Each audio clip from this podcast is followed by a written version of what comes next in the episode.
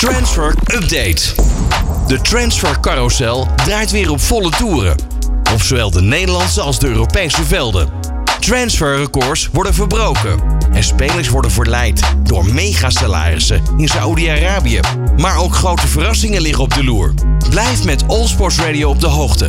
Want deze transfer window belooft een spannend schouwspel te worden. Transfer Update. Osama Idrissi gaat niet opnieuw de overstap naar Feyenoord maken, zo lijkt het. De Raad van Commissarissen heeft hier een eh, stokje voor gestoken. Want Feyenoord bereikte overigens wel al persoonlijk een eh, akkoord met Idri- Idrissi.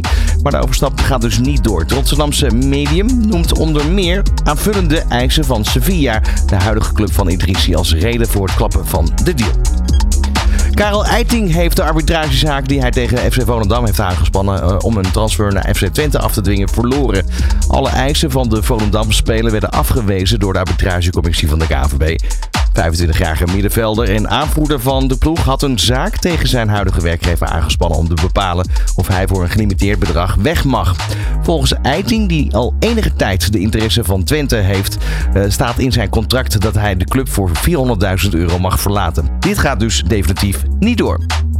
De transfer van Lukaku voor 31 augustus ligt nog altijd in de lijn der verwachting. De spits van Chelsea treedt namelijk niet meer mee bij het eerste elftal en heeft volgens de Engelse media nog geen woord gesproken met de nieuwe manager Pochettino. Duidelijk is dat Lukaku in Londen geen toekomst meer heeft en weg mag, maar tegelijkertijd ligt er geen akkoord voor welke club dan ook. De spits mag uh, Roma misschien wel zien, maar kan ook naar Saoedi-Arabië. Dus of dat gaat gebeuren is nog maar de vraag.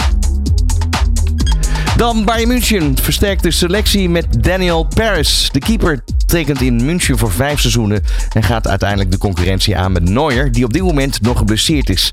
Volgens uh, Fabricio Romano kost Perez, doelman van Maccabi Tel Aviv, 5 miljoen euro plus bonussen. Bayern München en Borussia Dortmund azen op dezelfde speler. Dat is namelijk Bel Kotjap. De verdediger van Southampton staat volgens Sky Sports hoog op de lijst bij beide clubs.